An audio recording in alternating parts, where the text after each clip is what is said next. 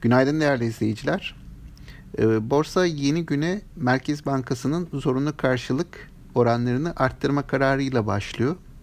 Ee, bu kararlar neticesinde bankaların kullandırabileceği döviz ve TL likidinin bir miktarı Merkez Bankası'nda tutulacak.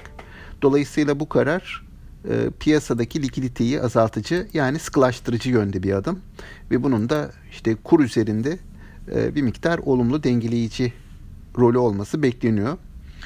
Dolayısıyla e, kur üzerindeki dengelenme borsaya özellikle bankalar tarafına olumlu yansıyor.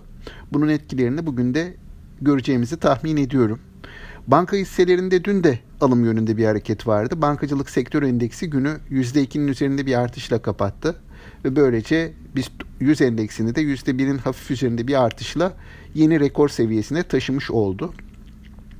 Baktığımız zaman son dönemde yabancı yatırımcı ilgisinin de arttığını görüyoruz. En son 20 Kasım verileri açıklandı ki orada 400 milyon dolara yakın bir e, haftalık yabancı girişi olduğu görülüyor hisse senetleri açısından.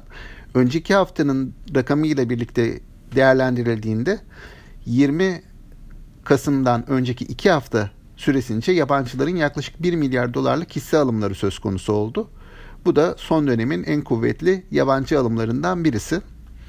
E, yabancılar hisse senedi tarafına yönelmişken yine e, Merkez Bankası verilerinden, BDDK verilerinden e, yerleşiklerin döviz mevduatı olan ilgisinin sürdüğünü görüyoruz. En son 20 e, Kasım verilerinde bireysel kaynaklı olmak üzere yaklaşık 2.4 milyar dolarlık bir döviz mevduat artışı olduğunu e, verilerden takip ediyoruz. E, dolayısıyla hani e, yerli yerleşikler açısından döviz mevduat ilgisinin sürdüğünü e, söyleyebilirim.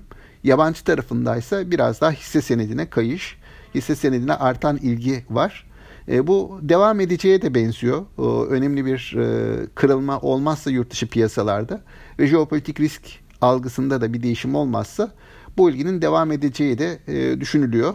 Özellikle e, büyük ölçekli şirketler yani biz 30 şirketlerinde yabancı alımları daha fazla yoğunluk kazanabilir diye düşünüyoruz. Bugün de e, güne olumlu bir başlangıç bekliyoruz.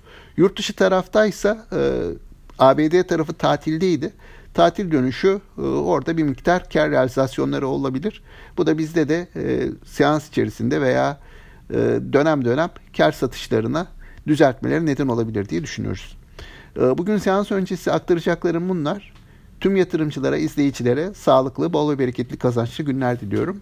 Yeniden görüşmek üzere.